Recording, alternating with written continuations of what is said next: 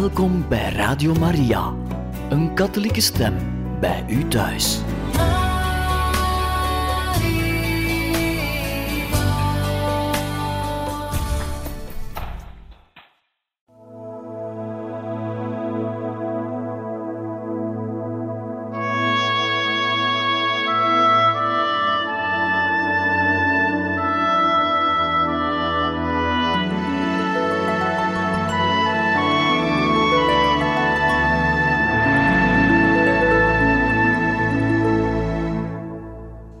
Van harte welkom, beste luisteraars van Radio Maria in het programma Heiligen Getuigen.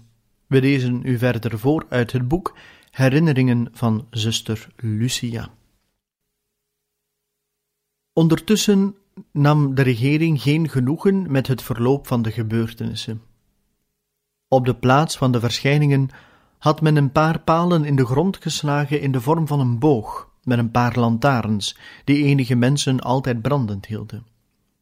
Nu zond men zekere nacht enige personen met een auto om de palen op te ruimen en om de steeneik waarboven zich de verschijning had voorgedaan, om te hakken en hem achter de wagen aan weg te slepen. S'morgens deed het nieuws al gauw de ronde, maar hoe groot was niet mijn blijdschap toen ik zag dat de armzalige lui zich hadden vergist en in plaats van onze steeneik een van de nabije eiken hadden meegenomen. Ik vroeg aan onze lieve vrouw vergiffenis voor die arme lui en ik bad voor hun bekering. Na enige tijd, op een dertiende mei, ik herinner me niet of het in 1918 of in 1919 was, deed morgens het nieuws de ronde dat er in Fatima een afdeling ruiterij stond om het volk te verhinderen naar de Cova d'Airia te gaan. Iedereen kwam me met een zekere schrik dit nieuws brengen, zeggend dat het zeker de laatste dag van mijn leven was. Zonder me te storen aan wat ze zeiden, ging ik op weg naar de kerk. In Fatima aangekomen liep ik tussen de paarden door die over het hele kerkplein stonden ging de kerk binnen, woonde de mis bij, opgedragen door een vreemde priester, en communiceerde. Na de dankzegging keerde ik in alle rust naar huis, zonder dat iemand me een woord gezegd had. Ik weet niet of ze me niet gezien hadden, of dat mijn persoontje hun gewoon niet interesseerde. Snamiddags, ondanks voortdurende berichten dat het leger moeite deed om het volk te verwijderen maar zonder resultaat, ging ik er ook heen om mijn rozenhoedje te bidden. Onderweg sloot zich een groep vrouwen bij me aan, die van andere plaatsen waren gekomen. Toen ik al kort bij de plek was, reden twee militairen op onze groep af, terwijl ze duchtig de zweep over hun paarden legden om ons te bereiken. Bij ons gekomen vroegen ze waar we heen gingen. Bij het horen van het moedige antwoord van de vrouwen, die geen angst toonden, sloegen ze op hun paarden alsof ze ons wilden vertrappen. De vrouwen zochten een goed heenkomen naar alle kanten, en op zeker moment bevond ik me alleen tussen de twee ruiters. Ze vroegen me toen mijn naam, die ik zonder aarzelen zei. Toen vroegen ze of ik dan die zieneres was. Ik antwoordde ja. Ze bevalen me toen in het midden van de straat te lopen tussen de twee paarden en de weg naar Fatima te wijzen. Toen we in de buurt kwamen van de poel, waarvan ik al eerder heb gesproken, ontmoette ik een arme vrouw die daar woonde, zoals ik eerder heb verteld. Zodra zij me vanaf een zekere afstand zo tussen die paarden zag, kwam ze naar het midden van de straat, en alsof ze een nieuwe Veronica was, probeerde ze me moed in te spreken. De soldaten verplichten haar onmiddellijk zich terug te trekken, en de arme vrouw bleef luid jammerend achter, begaan met mijn lot. Een beetje verderop vroegen ze me staan te blijven en informeerden of die vrouw mijn moeder was. Ik antwoordde nee. Zij geloofden het niet en vroegen of dat dan niet ons huis was. Opnieuw ontkende ik. Ik had de indruk dat ze het niet geloofden. Ze geboden me toen nog wat verder te gaan tot bij het huis van mijn ouders. Toen we aan een stuk land kwamen, een eindje voor Aljustrel, in de buurt van een kleine bron, kreeg ik, toen ze daar enige kuilen zagen voorstaken, bevel om weer staan te blijven. En misschien, om me bang te maken, zeiden ze tegen elkaar: Hier liggen een paar kuilen open. We slaan haar het hoofd af met een van onze sabels en laten ze hier, al begraven achter. Zo is het met deze geschiedenis voor eens en voor altijd gedaan. Toen ik dit gesprek hoorde, dacht ik werkelijk dat mijn laatste ogenblik gekomen was. Maar ik bleef rustig, alsof ik er niets mee te maken had. Na enige ogenblikken, waarin ze schenen overleg te plegen, antwoordde de ander: Nee, daar hebben we geen opdracht voor gekregen. En ze bevalen me verder te lopen. Zo ging het verder door ons kleine dorp totdat we bij ons huis kwamen. Iedereen kwam aan de vensters en de deuren om te zien wat er toch gebeurde. Sommigen lachten en spotten, anderen jammerden om mijn lot. Toen we bij ons huis kwamen, moest ik mijn ouders roepen. Ze waren er niet. En een steeg toen af om te zien of ze zich verborgen hadden. Hij doorzocht het huis en verbood me die dag nog uit te gaan. Dan steeg hij te paard en ze verdwenen. In de late namiddag liep het nieuws dat de cavalerie zich had teruggetrokken, verdrongen door het volk, en bij zonsondergang bad ik mijn rozenhoedje in de Cova d'Airia, vergezeld van honderden mensen. Zoals men me later vertelde, waren enige vrouwen, toen ik zo als gevangene voortstapte, aan moeder gaan vertellen wat er gebeurde. Zij antwoordde: Als onze lieve vrouw haar werkelijk verschenen is, dan zal ze haar verdedigen. Maar als ze liegt, dan is het goed dat ze gestraft wordt. En ze bleef rustig, zoals van tevoren. Nu zou men mij kunnen vragen: wat gebeurde er met Jacinta en Francisco toen zich dat alles afspeelde? Ik weet het niet. Ik herinner me niets over hen op dat tijdstip. Misschien hadden hun ouders in verband met het nieuws dat de ronde deed, hen die dag niet uit huis laten gaan. Het lijkt me dat onze lieve Heer tevreden was over de wijze waarop ik mijn lijden doorstond, want hij bereidde me nu een kelk van veel groter bitterheid, die hij me weldra zou te drinken geven. Mijn moeder werd ernstig ziek, zo erg dat we haar op zekere dag als stervend beschouwden. Alle kinderen verzamelden zich dan om haar bed om haar laatste zegen te kunnen ontvangen en om haar stervende hand te kussen. Omdat ik de jongste was, kwam ik het laatst aan de beurt. Toen moeder me zag, gaf haar dat weer een beetje leven. Ze sloeg de armen om mijn hals en met een zucht riep ze uit: Arme dochter, wat gaat er met je gebeuren zonder moeder? Ik sterf met een hart vol pijn om jou. En terwijl ze in bittere snikken uitbrak, klemde ze me al maar vaster tegen zich aan. Mijn oudste zus trok me met geweld los uit haar armen.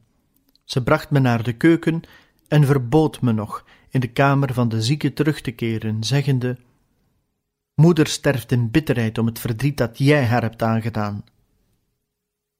Ik knielde neer, leunde mijn hoofd op een bank, en met zulke bittere droefheid als ik nog nooit had ondervonden, bracht ik mijn offer aan de goede God. Enige ogenblikken later kwamen mijn twee oudste zussen, alle hoop opgevend, bij me terug en zeiden: Lucia, als je werkelijk onze lieve vrouw gezien hebt, ga dan nu onmiddellijk naar de Cova d'Airia en bid haar dat ze moeder geneest. Je mag beloven wat je maar wil, wij zullen het doen. Ook zullen we dan geloven. Zonder mij één ogenblik te bedenken, ging ik op weg. Om niet gezien te worden, volgde ik een paar voetpaden tussen de velden, terwijl ik onderweg het rozenhoedje bad. Ik deed mijn verzoek aan de Allerheiligste Maagd. Ik luchtte er de smart van mijn hart onder een stroom van tranen en keerde huiswaarts, gesterkt door de hoop dat mijn lieve moeder in de hemel me de gezondheid van mijn moeder op aarde zou verlenen. Toen ik thuis kwam, voelde moeder zich plots wat beter, en na drie dagen kon ze al het werk in huis hervatten. Ik had aan de Allerheiligste Maagd beloofd dat ik, als ze me verleende wat ik vroeg, ik daar negen dagen achtereen, vergezeld van mijn zussen, het rozenhoedje zou komen bidden, en dat ik op mijn knieën vanaf de straat tot aan de voet van haar steeneik zou kruipen, en dat ik op de laatste dag negen arme kinderen zou meebrengen en hun daarna een avondeten zou geven. We gingen dus mijn belofte vervullen met moeder bij ons, die zei: Wat vreemd, onze lieve vrouw heeft mij genezen, maar het lijkt me dat ik nog ongelovig ben. Ik begrijp het niet.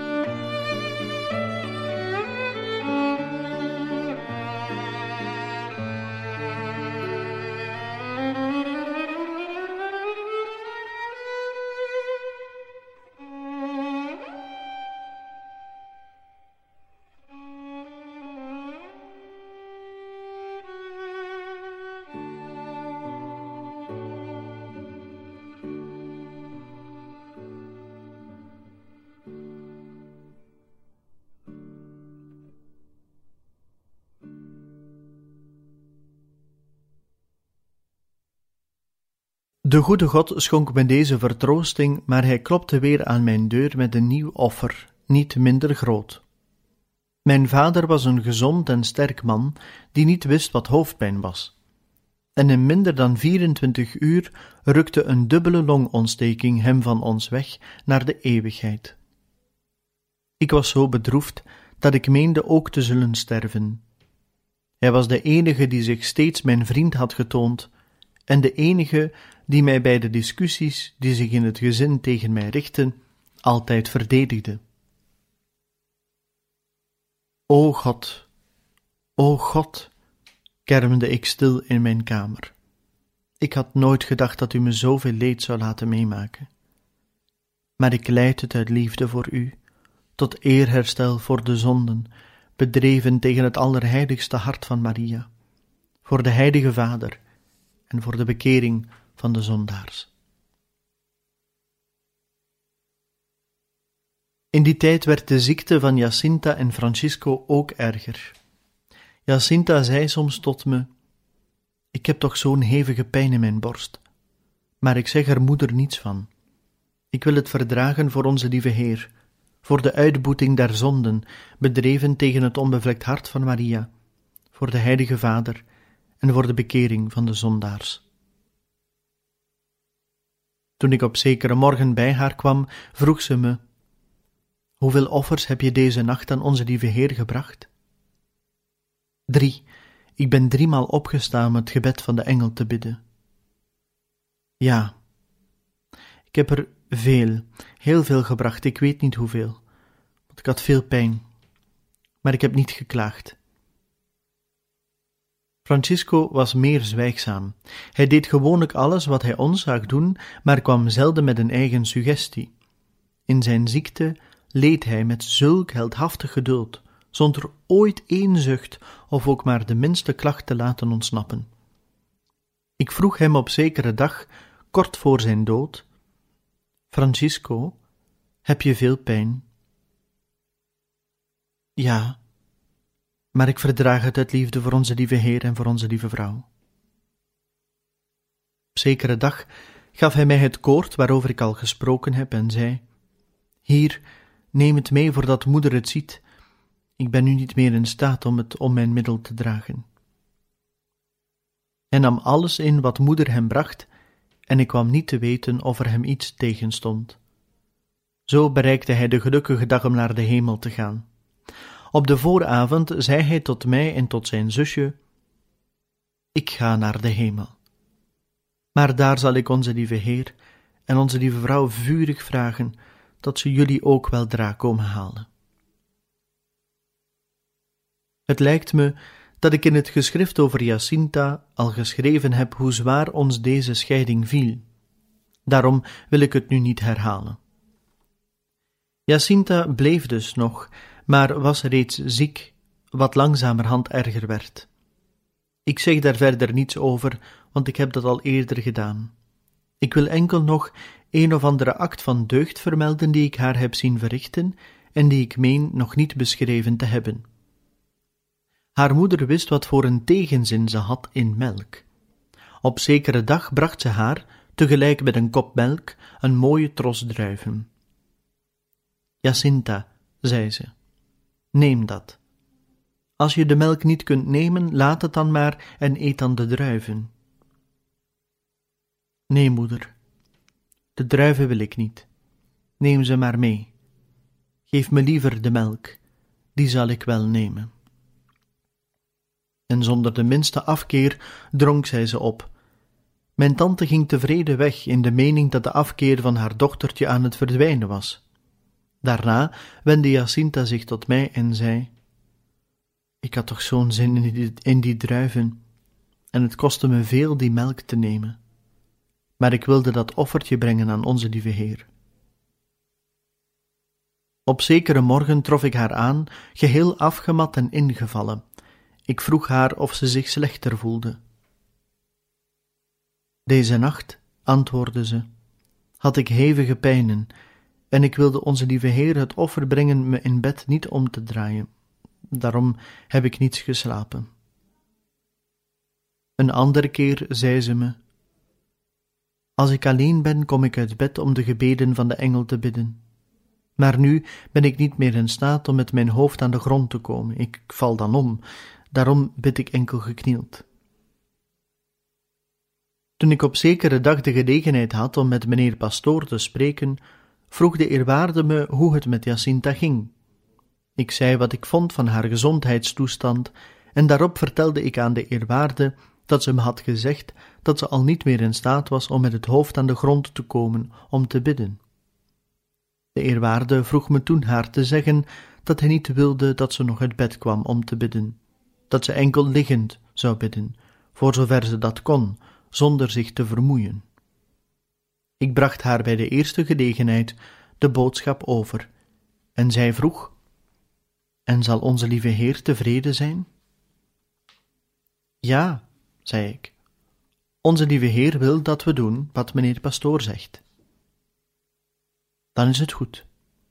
Ik zal nooit meer opstaan. Ik hield ervan telkens als ik tijd had naar de Cabeco te gaan, om in onze geliefde grot te bidden. Omdat Jacinta veel van bloemen hield, plukte ik bij het huiswaarts keren over de berghelling een ruiker lelies en pioenrozen, als die er waren, en bracht haar die, zeggend: Neem, ze komen van de Cabesso. Ze nam ze aan, en soms zei ze met de tranen in de ogen: Ik zal daar nooit meer komen.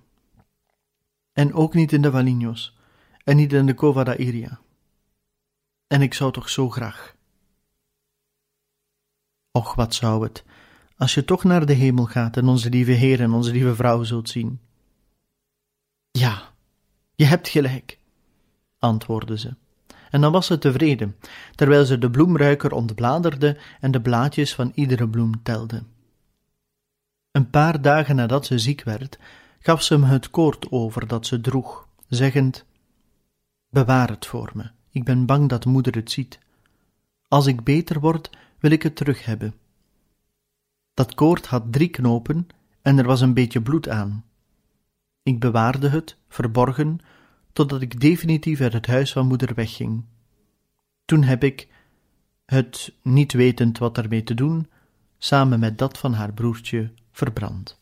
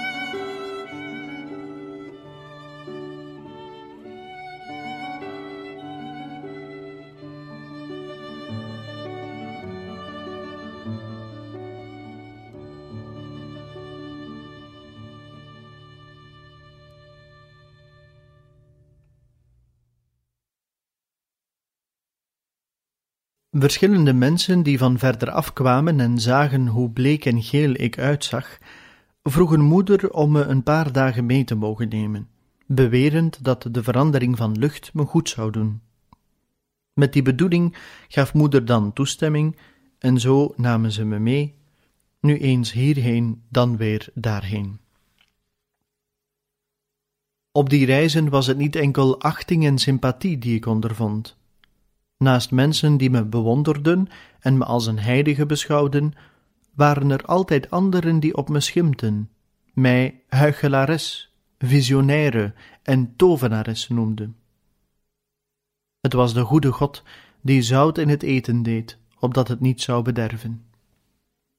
En zo, dankzij de hulp van de goddelijke voorzienigheid, ging ik door het vuur zonder me te verbranden en zonder kennis te maken met die worm van ijdelheid die gewoonlijk alles bederft. Bij die gelegenheid dacht ik: ze vergissen zich allemaal. Ik ben nog heilig, zoals sommigen zeggen, nog een leugenares, zoals anderen zeggen. God alleen weet wat ik ben. Wanneer ik terugkwam, liep ik onmiddellijk naar Jacinta, die me zei: Lucia, ga niet meer weg. Ik had zo'n groot verlangen naar je. Sinds jij weg bent, heb ik met niemand gepraat. Met de anderen weet ik niet wat ik moet zeggen. Ten slotte kwam het ogenblik dat ze naar Lissabon vertrok. Ik heb ons afscheid beschreven, daarom herhaal ik het hier niet.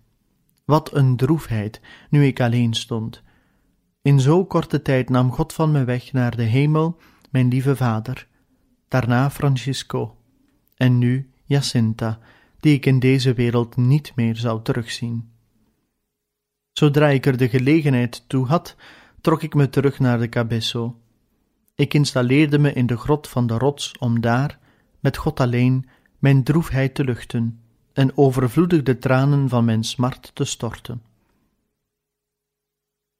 Bij het afdalen van de helling herinnerde alles me aan mijn geliefde gezellen, steden waarop we ons zo vaak hadden neergezet, de bloemen die ik nu niet meer plukte omdat ik niemand had om ze aan te bieden, de Valinos waar we samen de geneugten van het paradijs hadden gesmaakt. Alsof ik de realiteit niet kon geloven, trad ik op zekere dag half verstrooid het huis binnen van mijn tante. Ik begaf me naar de kamer van Jacinta en riep op haar. Haar zusje, Teresa, hield me tegen en zei dat Jacinta al niet meer daar was. Kort daarop kwam het nieuws dat de hemel nu haar woonplaats was. Men bracht daarop haar lichaam naar Vida Nova de Jurem. Mijn tante nam me op zekere dag mee daarheen, naar de stoffelijke resten van haar dochtertje, met de bedoeling me te verstrooien. Maar nog lange tijd scheen mijn droefheid alleen nog maar groter te worden. Als het kerkhof open was, zette ik me bij het graf van Francisco of van mijn vader en bleef daar uren zitten. Enige tijd later besloot mijn moeder naar Lissabon te gaan en mij mee te nemen. Door bemiddeling van dokter Formigao nam een godvruchtige vrouw ons in haar huis op en bood aan mijn studie in een internaat te betalen, als ik blijven wilde. Moeder en ik namen erkentelijk het edelmoedige aanbod van die liefdevolle dame, Assunção Avelar geheten, aan. Nadat mijn moeder de dokters had geraadpleegd en vernomen had dat ze moest worden geopereerd aan de nieren en aan de ruggengraat, maar dat men niet voor haar leven kon instaan, daar ze ook een hartziekte had, keerde ze naar huis en liet me achter onder de hoede van die dame. Toen reeds alles geregeld was en de dag bepaald waarop ik in het internaat zou intreden, vertelde men dat de regering te weten was gekomen dat ik in Lissabon was en dat men mij zocht. Men bracht mij toen naar Santarem, naar het huis van dokter Fomigao, waar ik enige dagen verborgen bleef, zelfs zonder dat men me naar de mis liet gaan. Ten slotte bracht me de zus van de eerwaarde naar het huis van mijn moeder en beloofde mijn intrede te regelen in een internaat dat de zusters Dorotheas toen bezaten in Spanje, en dat men onmiddellijk, wanneer ze alles geregeld had, mij zou komen halen. Met al die wederwaardigheden verstrooide ik me enigszins, en die drukkende droefheid ging over.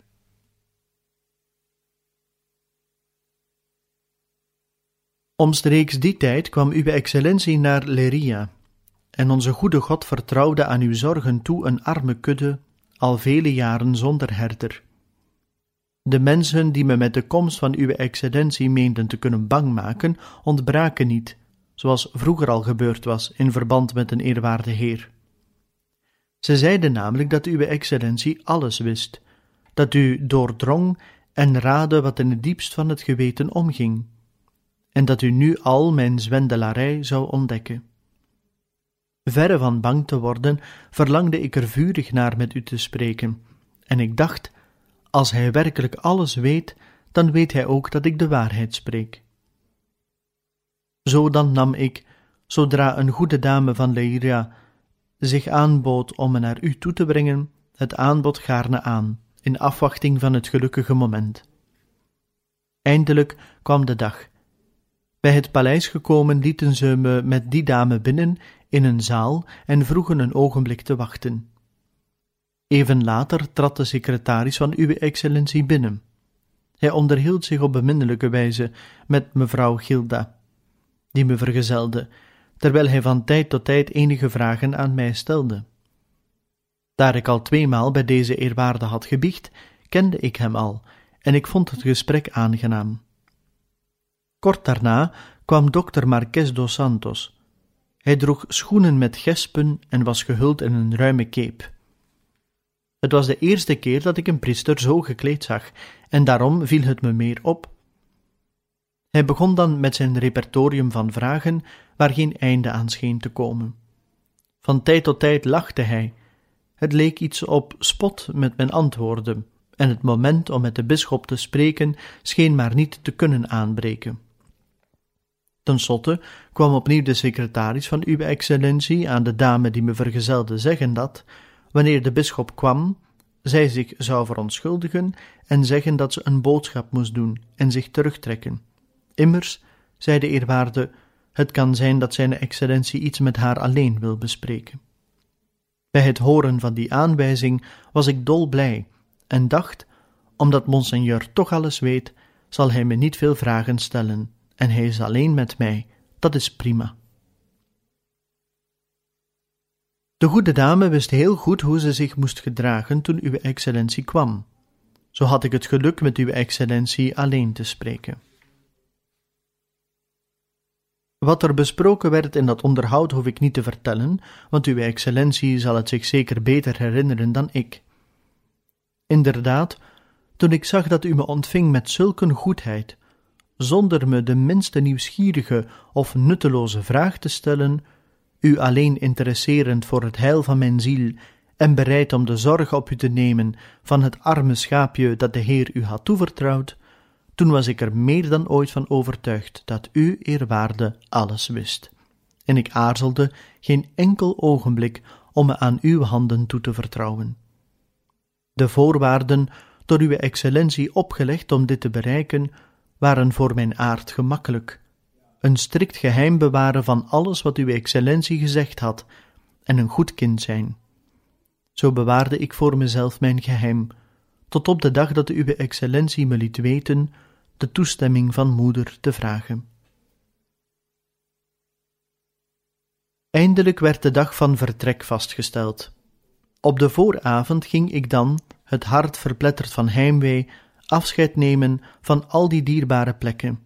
In de vaste zekerheid dat ik ze nooit meer zou betreden, de Cabesso, de Rocha, de Valinos, de parochiekerk waar de goede God het werk van zijn barmhartigheid begonnen had, en het kerkhof waar ik de dierbare resten achterliet van mijn lieve vader en van Francisco, die ik nog niet had kunnen vergeten. Van onze put nam ik afscheid toen hij al door de vale schijn van de maan verlicht werd en van het oude erf waar ik zo dikwijls lange uren had doorgebracht in beschouwing van de mooie sterrenhemel en van de pracht van zonsopgang en ondergang, die me zozeer bekoorde wanneer haar stralen schitterden in de dauwdruppels, die s morgens de bergen bedekten, als waren het parels. Ook bewonderde ik er soms de sneeuwvlokken wanneer die s namiddags of overdag neervielen of afhingen van de pijnbomen. Het deed me alles denken aan de schoonheid van het paradijs. Zonder van iemand afscheid te nemen ging ik de volgende dag, om twee uur s morgens, vergezeld van moeder en van een arme werkman, Manuel Correa, die naar Leria ging op reis, zonder mijn geheim verbroken te hebben. We begaven ons naar de Cova d'Airia om daar mijn laatste afscheid te nemen. Ik bad er voor de laatste maal mijn rozenhoedje, en terwijl ik nog eens de plek bekeek, draaide ik me onwillekeurig om, als om haar mijn laatste vaarwel te zeggen. Wij kwamen in Leria aan om negen uur s morgens. Daar ontmoette ik mevrouw Filomena Miranda, later mijn peettante bij het vormsel, door uw excellentie aangewezen om mij te vergezellen. De trein vertrok om twee uur in de namiddag, en daar was dan het ogenblik. Op het station, om afscheid te nemen van mijn moeder, haar achterlatend in een vloed van tranen door het hartzeer van de scheiding. De trein vertrok, en met hem mijn arme hart gedompeld in een zee van heimwee en herinneringen die ik onmogelijk kon vergeten. Ik meen, excellentie, de mooiste bloem en de fijnste vrucht van mijn kleine tuin geplukt te hebben, om ze neer te leggen in de barmhartige handen van de goede God, vertegenwoordigd door uw excellentie. En ik vraag hem er vrucht uit te trekken voor een overvloedige oogst van zielen voor het eeuwige leven. En omdat de goede God behagen schept in de nederige gehoorzaamheid van de laatste van zijn schepselen, eindig ik met de woorden van haar, die hij me in zijn oneindige goedheid heeft geschonken als moeder, beschermster en model, woorden waarmee ik ook begonnen ben. Zie hier de dienstmaagd van de Heer. Moge hij zich van haar blijven bedienen zoals het hem behaagt. PS, ik heb vergeten te zeggen dat Jacinta, toen ze naar de ziekenhuizen van Villanova Gerem en van Lissabon ging, wist dat ze er niet zou genezen, maar enkel lijden. Lang voordat er sprake van was dat ze naar het ziekenhuis van Villanova zou gaan, zei ze me op zekere dag: Onze lieve vrouw wil dat ik naar twee ziekenhuizen ga, maar het is niet om te genezen, maar om er meer te lijden uit liefde voor onze lieve Heer en voor de zondaars. De letterlijke woorden van onze lieve vrouw bij die verschijningen aan haar alleen ken ik niet, omdat ik ze haar nooit heb gevraagd. Ik heb er genoegen meegenomen enkel die losse zinnen te noteren die zij me zei. In dit schrijven heb ik geprobeerd niet te herhalen wat ik al in het vorige had herhaald, om het niet te lang te maken. Dit geschrift kan misschien de indruk wekken dat ik in mijn dorp weinig vriendschap of genegenheid ondervond, maar dat zou niet juist zijn. Er was een uitverkoren groepje van de kudde van de Heer, die voor mij een uitzonderlijke sympathie toonde, en dat waren de kinderen. Ze liepen achter me aan in een dolle blijdschap. En wanneer ze wisten dat ik mijn kudde hoede in de omtrek van ons kleine dorp, dan kwamen ze in groepen naar me toe om de dag met me door te brengen. Mijn moeder placht te zeggen: Ik weet niet wat aantrekkelijks je hebt, de kinderen lopen achter je aan als naar een feest. Soms voelde ik me niet thuis te midden van zoveel lawaai en daarom trachtte ik me dan te verbergen. Datzelfde overkwam me met mijn gezellinnen in Villar, en ik zou bijna zeggen, dat overkomt me nog met mijn zusters in het klooster. Enige jaren geleden zei me de eerwaarde moeder, nu moeder provinciaal, Zuster, u hebt zulke invloed op de zusters, dat u ze, als u wil, veel goed kunt doen. En kort geleden zei me de eerwaarde moeder overste van Pontavedra, Zuster, u bent bij onze lieve Heer gedeeltelijk verantwoordelijk voor de ijver of de nalatigheid van de zusters in de naleving van de regel. Immers, de ijver groeit aan of verslapt in de ontspanningstijd, en u drukt daar uw stempel op. Wegens dit of dat onderwerp dat u aansneed op recreatie, hebben verschillende zusters nu een duidelijker begrip van de regel en besloten hem nauwkeuriger te onderhouden. Wat moet ik hiervan denken? Ik weet het niet. Misschien een talent dat God me wilde toevertrouwen en waarover hij rekenschap zal vragen. Moge ik dan, na ermee gewerkt te hebben, het hem duizendvoudig teruggeven. Misschien zal iemand vragen: hoe kan die zuster zich dat alles herinneren? Hoe? Ik weet het niet. De goede God die zijn gaven uitdeelt zoals Hij het wil, heeft mij dit herinneringsvermogen toebedeeld. Daarom weet Hij alleen dat te verklaren. Overigens lijkt het me dat er tussen bovennatuurlijke en natuurlijke zaken een verschil is. Wanneer we op het gewone, natuurlijke niveau blijven, vervaagt en vergeten we wat we zeggen. Maar die andere zaken prenten zich, naarmate we ze zien of horen, zo diep in onze ziel dat we ze niet gemakkelijk vergeten. En zo, beste luisteraars van Radio Maria, zijn we aan het einde gekomen van deze aflevering van het programma Heiligen Getuigen en ook aan het einde van de tweede herinnering van zuster Lucia. Een volgende keer gaan we verder met de derde herinnering. En hoop ik dat u er ook opnieuw wenst bij te zijn. Van harte dank en nog een bijzonder fijne dag gewenst.